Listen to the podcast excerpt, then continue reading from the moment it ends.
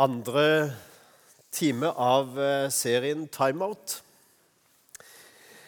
Og I dag så har jeg valgt et lite ord ut fra salma. Til dekket bord.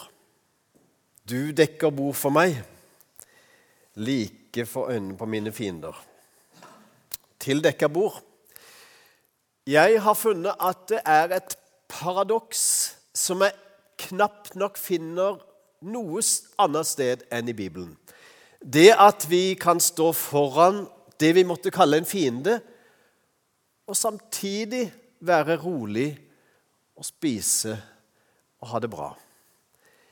Den eh, kombinasjonen der fins nesten ikke noe sted. Jeg prøvde å se på nettet, prøvde å finne et bilde som skulle symbolisere begge de to tinga sammen, men det fantes ikke. Finnes rett og slett ikke. Enten så er det krig og urolig og vanskeligheter eller så er det hvile og ro, og alt er fred og fint. Men de to sammen, det er liksom ild og vann. Det er eh, Det fins ikke illustrert så langt jeg kan kunne finne. Og så må vi altså til Bibelen for å finne det. Og det er jo flott, da. At det er noe som Gud gir oss som ikke fins noen andre steder. Kanskje noen har skrevet om det. Det er godt mulig. Ehm, jeg fant det i hvert fall ikke i farten. Det å være trygg midt foran en fiende, det skal noe til, altså. Da må du vite hvem du er, og hvem du representerer, og hva du har for å kunne være det. Og så sier han i innledningen til Salme 23, som vi hørte lest, 'Jeg mangler ikke noe'. Ingenting, altså, når Herren er min hyrde. Og det er eh, et sånt, eh, en sånn flott ting. Du dekker bord for meg like foran mine fiender.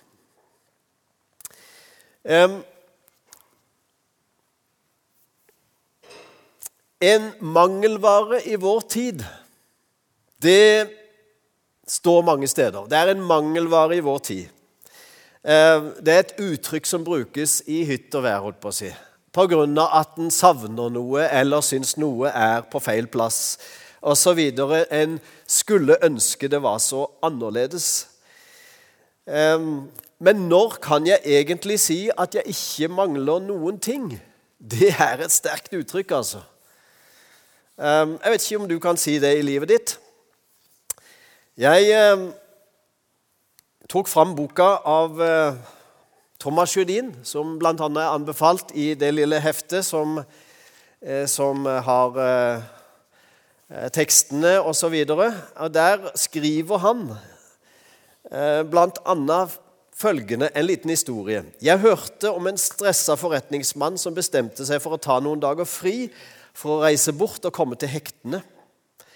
Han hadde hørt at det gikk an å bo til en rimelig pris på et kloster i nærheten, og syntes alternativet var kuriøst, men forsøket verd. Som sagt så gjort, han ringte og forhørte seg med klosterbrødrene og ble varmt ønska velkommen.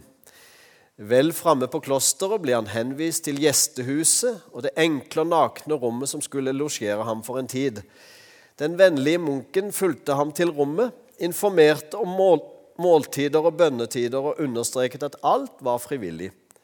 Forresten Han stansa i døra og sa dette her. Forresten, hvis det er noe du trenger, så si endelig fra, så skal vi lære deg å leve uten det.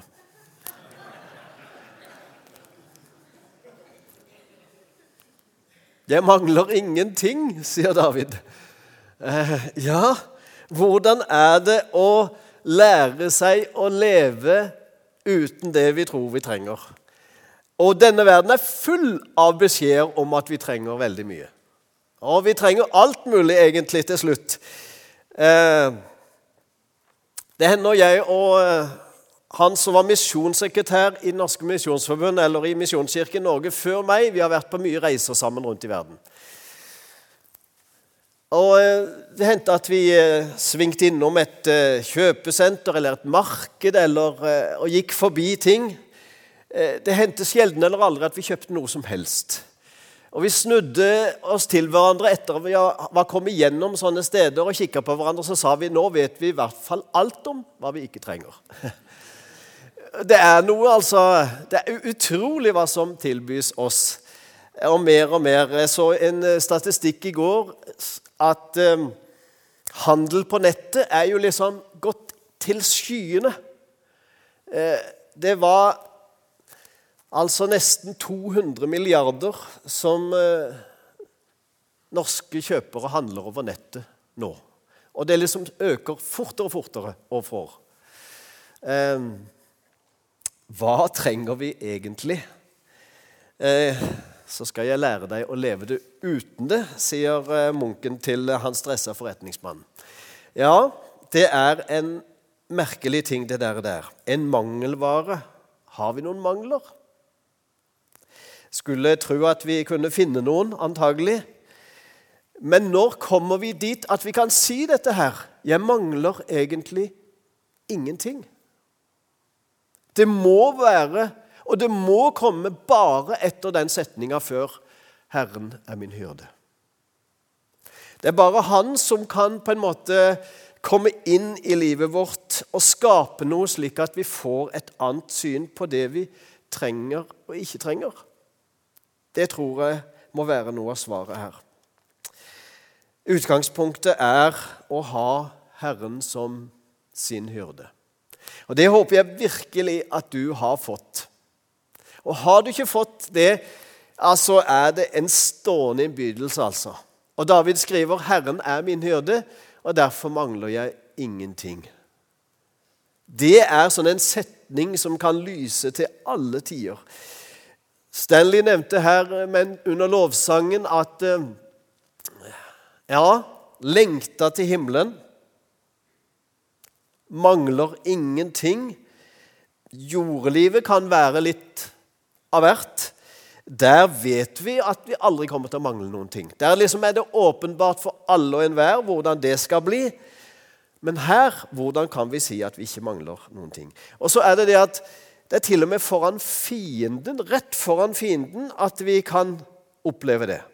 Rett foran det vanskelige, det store og uoverkommelige. Hva er egentlig fienden som det nevnes her? Rett foran mine fiender, sier David. Hva er fiendene i våre liv? Oi, det kan være mye. Jeg skal prøve å si noen få ting. Det første jeg vil tro, det er at det kan være fristelser i våre liv. Det er fiender rett foran øynene våre. Eller tilbøyeligheter som overstyrer våre liv titt og ofte. Det er våre fiender, det. De står rett foran oss hele tida og tar tak i oss eller griper etter oss rett foran mine fiender. Eller den eller det onde som har eh, fratatt oss makt, eh, fratatt oss glede, fratatt oss mot, livsmot, fratatt oss lyset i øynene, slik at vi eh, ikke ser lyst på dette livet i det hele tatt. Det er våre fiender, det som står der rett foran oss. Eller maktesløsheten, kraftløsheten, som gjør deg stridsudyktig. Jeg var 19 år, så var jeg på sesjon. Jeg skulle Det ble et annet løp for meg, da. Det ble siviltjeneste, men allikevel jeg måtte jo gjennom det. Og etter legeundersøkelsen så fikk jeg et stempel i vernepliktsboka der det sto STRA, stridende A. Det var ikke noe feil altså med meg. Jeg kunne sendes egentlig inn i det som måtte være planen for, for andre, holdt på å si. Um, men når du blir stempla stridsudyktig, hvordan er det da å leve? Når du blir, får et stempel over livet som du tenker 'Jeg duger egentlig ikke til noen ting'. Jeg er stridsudyktig, eller 'Jeg takler ikke det som nå ligger foran meg'. Det er fienden, det. Midt foran mine fienders øyne. Du dekker bord for meg. Da er det tid for en timeout, dere. Et steg til sida. der vi kan se på situasjonen på nytt. Et steg til sida midt foran fienden. Og det er kanskje det viktige steget som vi må ta i rett tid. Um, timing er av og til viktig i livet vårt. Det vil si at å gjøre ting til rett tid. Av og til så gjør vi ting som er litt for seint, og så får vi smake følgene av det. At vi tok ikke valget i rett tid, og så gikk på en måte mulighetene fra oss. Jeg vil hevde at fortsatt så er det tid for å velge Herren som hyrde. Ett steg til sida. Det er viktig å vite hvem som er hyrde da. Moses hadde en eh, tøff oppgave. Han hadde ført israelsfolket ut av Egypt. Og nå sto de foran Rødehavet, og der var det vann, altså, som de ikke bare kunne svømme over eller eh, ha med seg alt de hadde med seg. Og Hvis vi gjør en opptelling av hva det sto hvor mange de var, så var de ikke få, altså. Og det var kvinner og barn, og det var unge og eldre osv. Og, og alle var på vei ut. Og bak seg så, så de en veldig hær av egyptere og stridsfolk og hester og våpen som kom nærmere og nærmere. Og da vender Moses seg til Gud. På grunn av at folket sier nei, nå nå er det slutt, altså. Hvorfor har du satt oss i dette? Og så peker de på Moses. Og det måtte ikke vært lett for Moses å stå der med holdt på å si, ryggen mot uh, vannet og få anklagene. Det hadde vært mye bedre om vi var i Egypt. Ok, vi var slaver, men vi, ikke drept, vi ble ikke drept sånn som vi blir nå, sa de. Før oss heller tilbake. Dette fører ingen vei hen. Og Så roper Moses til Gud. Og Så svarer han akkurat dette her. Herren skal stride for dere, og dere skal være stille. Ett steg til sida, og så ser du ting i et annet lys. Timeout handler om det. Å se ting som de egentlig er, Å se det usynlige slik vi ikke har sett det før. Herren skal stride for dere.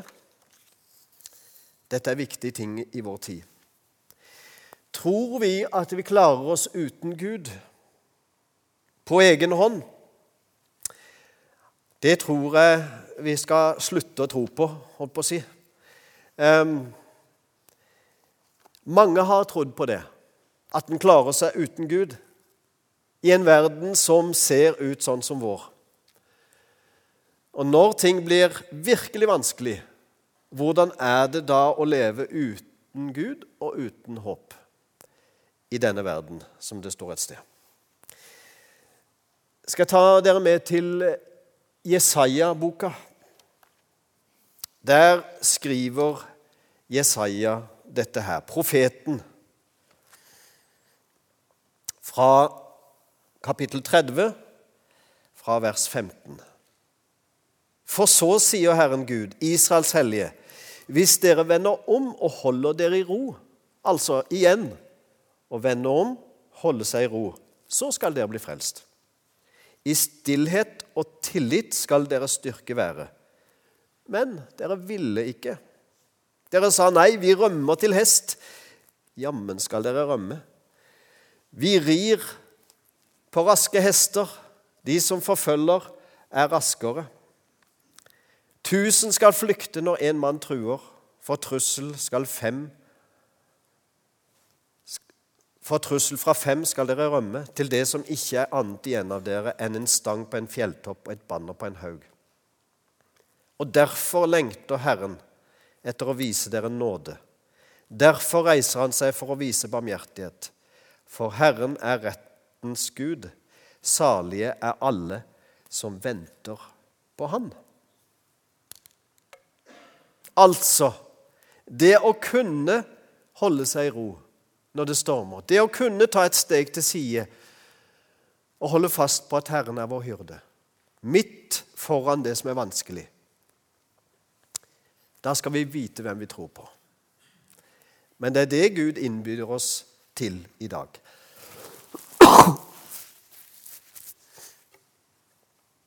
Jeg skal eh, sitere litt igjen fra Thomas Sjødin. Han skriver følgende Når man innser at man ikke strekker til, åpner man livet sitt for de hjelpende kreftene som er tilgjengelige. De gangene i livet mitt, de gangene i livet mitt har tatt en ny og uventet vending, har sjelden vært når jeg har mannet meg opp og tatt i et nytt tak, men snarere når jeg har sluttet å manne meg opp, sluppet taket og åpnet meg for hjelp. Fra Gud og fra mennesker. Det fins et ord på fire bokstaver som omfatter hele denne kunnskapen. Nåde. Nåden er det som skjøter på teppet, så man kan strekke seg så lang man er uten å fryse på føttene, skriver Thomas Sjødin. Jeg er tilbake i 1988. Jeg er på en eh, misjonsstasjon langt nord i Kongo, alene en dagsreise unna alle misjonærer. Jeg er sammen med kongolesiske kristne. Og jeg har mine da, til da to barn med meg. Marianne, kona mi, er i, på sykehuset i Norge. Vanskelig situasjon. Og Jeg sitter på kontoret en dag, lille kontoret i misjonærboligen, og så kikker i veggen. Jeg kan se den eh, grå fargen fortsatt. Jeg kan se skapet foran som står på sida. Og jeg sitter og ser og tenker at hva vil du med dette, Gud? Dette er jo bare håpløst. Her står vi i et rikt arbeid, og så blir kona mi syk, og hun må til Norge. Hva vil du med dette, Gud? Og Jeg skjønner ikke helt situasjonen. Og Vi har bedt om det ene og det andre, men det virker ikke som det skjer noen ting. Plutselig og Det er ikke mange ganger jeg gjør det, altså. Så hører jeg en stemme og som sier dette er ikke ditt problem, Eilif. Det er mitt. Og jeg hopper til det lille rommet. Det er ikke noen andre enn meg i det rommet. Men fra da av så var det problemet borte. Jeg tenkte ja, uansett hva som nå skjer, så ok, dette går bra. Noen få dager etterpå så får jeg et brev om at vi må komme hjem og avslutte perioden litt før tida, for um, ja, sykdommen var slik at hun ikke kunne komme ut til Afrika igjen. Så går det noen år, og så ser vi veldig mange ting som, som eh, understreker at det var det absolutt beste som hendte. De ble spart for en mange spesielle ting. Også bl.a. det å sende vårt første barn tre dagsreiser unna på misjonær-internatskole, eh, misjonærbarnskole. Noe som har ført til mange traumer for mange misjonærbarn opp gjennom tidene. Det å stå foran noe som ser bare helt vanskelig og håpløst ut, og så bli tatt byrden fra og kunne ta et steg til sida og tenke at ja, det er ikke mitt problem, det er Guds problem. Og høre til og med en tydelig stemme på det. Det var vel det jeg trengte da. Altså Det er noe vi kan ta tak i, og det er vårt eget valg. Vil vi følge Gud og hans stemme til oss gjennom ordet, gjennom det som han kommer til oss med, eller vil vi ta opp kampen sjøl og risikere å tape alt? Og gå til grunne av og til, til og med. Timeout. Et steg til sida. Ja, det er verdt å ta et steg til sida av og til. Helligdagen er jo sånn et steg til sida, er det ikke det? Fra en hverdag så tar vi et steg til sida, og så er det helligdag, så er det hviledag. Så er det tid for enten vi er i Guds forsamling, som det er det mest normale at vi kommer til, eller at vi gjør ting annerledes og hviler på den dagen Gud har sagt at vi skal hvile og holde hellig. Timeout er viktig, en viktig ting.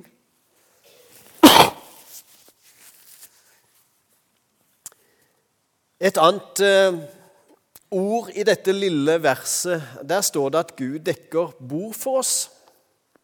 Hvordan ser sånn et bord ut, tenkte jeg.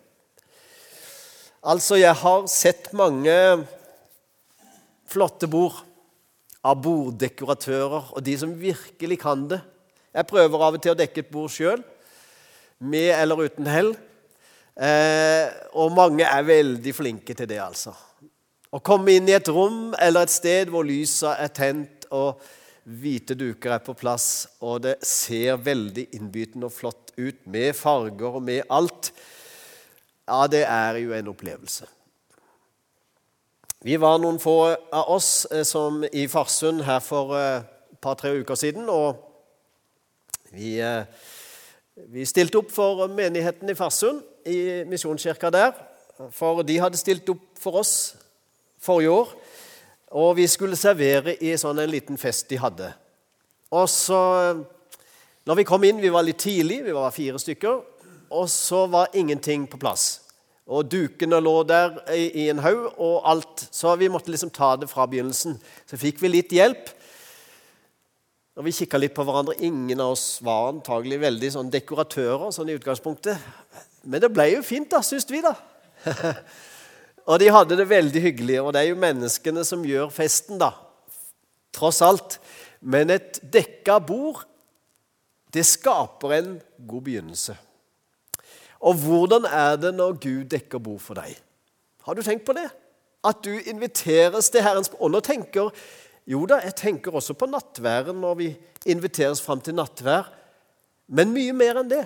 Jeg tenker på at Gud lager ting til spesielt for deg. Inviterer deg til å sitte ned, ta en pause, ta til deg av det han dekker på og ikke bare dekketøy, men alt som kommer på det bordet etter hvert. Dere som har vært i Kina Jeg vet ikke hvor mange av dere som har vært der. Dere som har gått på en ekte kinesisk restaurant. Det kan ikke sammenlignes med noe som heter kinesisk på europeisk eh, jord, i hvert fall ikke i Norge. Men når du kommer på en kinesisk restaurant i Kina, der finnes det ikke firkanta bord, bare runde bord. Og Så står det en sånn stor glassplate på midten som snurrer, og så kommer rettene på bordet. Én etter én etter én etter en. Den eh, mest rikholdige lunsjen jeg har spist noen gang, var på 32 forskjellige retter. Da, da, orker du ikke mye av hver. Men da har du spist deg gjennom kjøtt og fisk og alt som fins, og tusen grønnsaker som du aldri har sett før. Eh, og det er en fantastisk opplevelse. Det å komme til et dekka bord, og du aner ikke hva som kommer på bordet. Og du kommer rett etter rett etter rett, og du får lov til å ta litt av hvert. Og holdt på å si det tar lang tid å spise. Minst to timer. Eh, og det er flott. Og sånn er det hver dag hvis du går til sånne steder der du treffer nye mennesker osv. Hvordan er det når Gud dekker bord for deg? Er det sånn en eh, rask sak der matpakka åpnes, og du lukker igjen, for det var ikke så veldig spennende, og du svelger unna, og så går du videre. Det er ikke sånn når Gud dekker bord. Han dekker med det fineste og det beste, for han vet hva du trenger. Du dekker bord for meg like foran mine fiender, sier David. Et bord med innhold for ånd, sjel og kropp. Det må jo være noe himmelsk over det. Helt enig, Stanley. Det blir noe av himmelen i det, altså. Eh, å komme til et måltid der vi inviteres uten baktanker.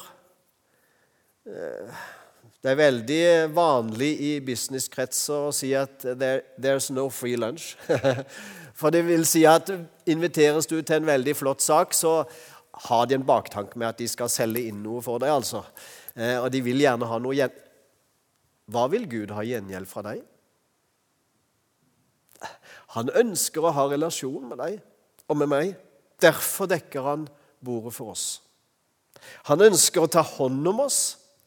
Det er ikke salgstriks. Det er ikke overrumpling, og det er ikke bondefangeri. Han ønsker å invitere deg med åpne hender, uten baktanker. Hva betyr måltidet egentlig? Ja, jeg er garantert at et måltid alltid betyr ny styrke og nye krefter. Når vi er sultne, så spiser vi gjerne godt. Og vi kjenner at holdt på å si, blodsukkeret stiger igjen osv. Vi får det vi trenger for å kunne gå videre. Eh, og så har vi gjerne fellesskap. Bordfellesskap med andre. Det er alltid hyggelig, og det er alltid noe vi kan utnytte til det beste for alle. Derfor elsker jeg å spise lunsj i Kina, ikke pga. de 32 rettene, men pga. at bordet er rundt. Jeg vet ikke, men uh, vi har liten tradisjon for det i, Vesten med runde bord. For der sitter alle på en måte Der sitter alle vendt mot noen. Så er det sånn at eh, fins det noe øverst og nederst på et rundt bord? Ja, det fins faktisk det. I hvert fall i Kina. Og Det er hvis du kommer inn inngangen. Den som sitter rett imot døra, den sitter øverst ved bordet, selv om bordet er rundt. Så bli, Å bli plassert så du ser inngangen, da blir du plassert øverst, rett og slett. Og så plasserer Gud deg øverst i dag ved hans bord, der du også får tilgang til fellesskap med andre.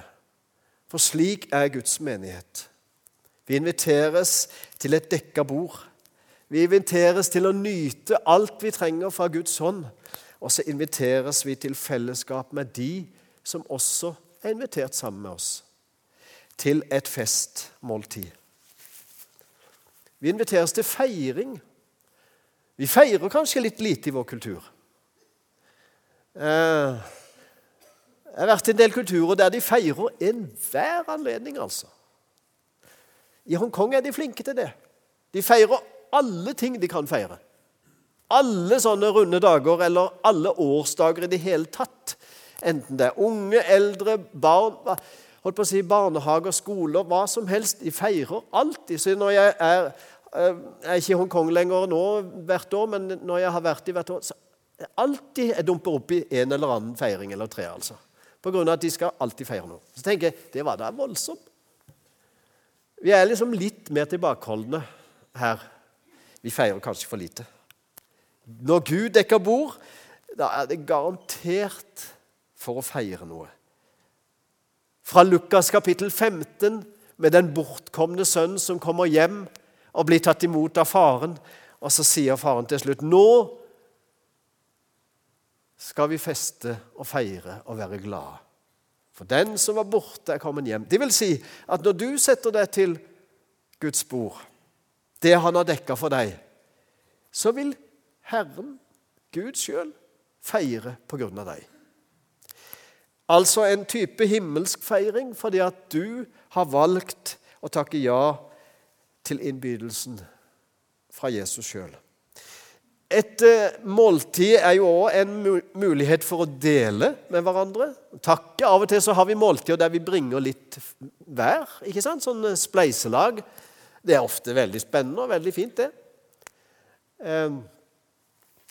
En dele ting. det å spise sammen. Vi takker gjerne. I kristen sammenheng så er det veldig vanlig å takke. Kanskje både før og etter måltidet.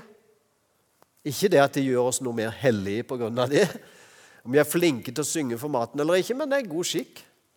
Eh, og det gjør noe kanskje med vår tanke at vi har en å takke for at vi kan spise og har det så bra som vi har det, da vender vi vår takk til Gud.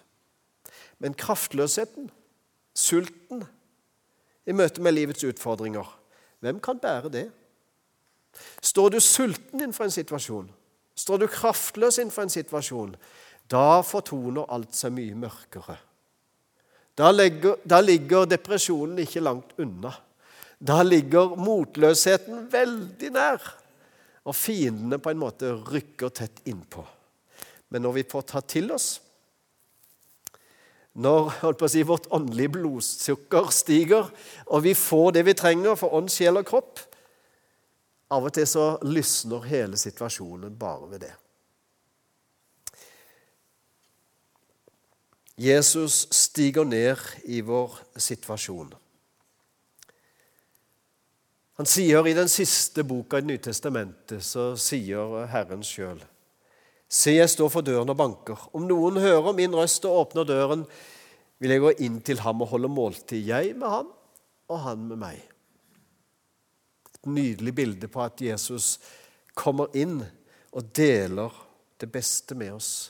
Jeg med han og han med meg. En slags likeverdighet. At vi har òg noe å gi han. Og han har absolutt noe å gi oss. Og vi kan dele og sette oss ned sammen i Guds nærhet. Han med meg, og jeg med han. Han med deg, og du med han. Og der finner vi nye livskrefter. Der finner vi det som vi trenger for å kunne se situasjonen i øynene, uansett hvordan han ser ut, midt foran våre fiender. Herren er min hyrde, jeg mangler ikke noe. Kan du si det i dag? Du er i hvert fall innbudt til å ta del i det som Herren dekker opp for deg. Hva er det for deg i dag? Det må du svare på. Hva er ditt behov i dag? Hva er din sult? Hva er din utfordring? Og så kommer Herren og dekker det bordet for at vi skal ta det til oss. Det som, For han kjenner oss. Han vet alt om det. Derfor kunne David skrive og si og mene tydelig at han egentlig ikke mangla noe mer, for Herren var hans hyrde. Amen. Herre Jesus, takk for at du Det er du som kommer til oss med det vi trenger. Du som kommer for å tilfredsstille våre behov, Herre.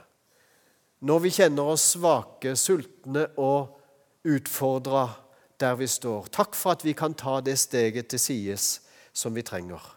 Takk for at vi ikke trenger å gå bort sultne, men at vi kan gå til et dekka bord også denne dagen, Herre.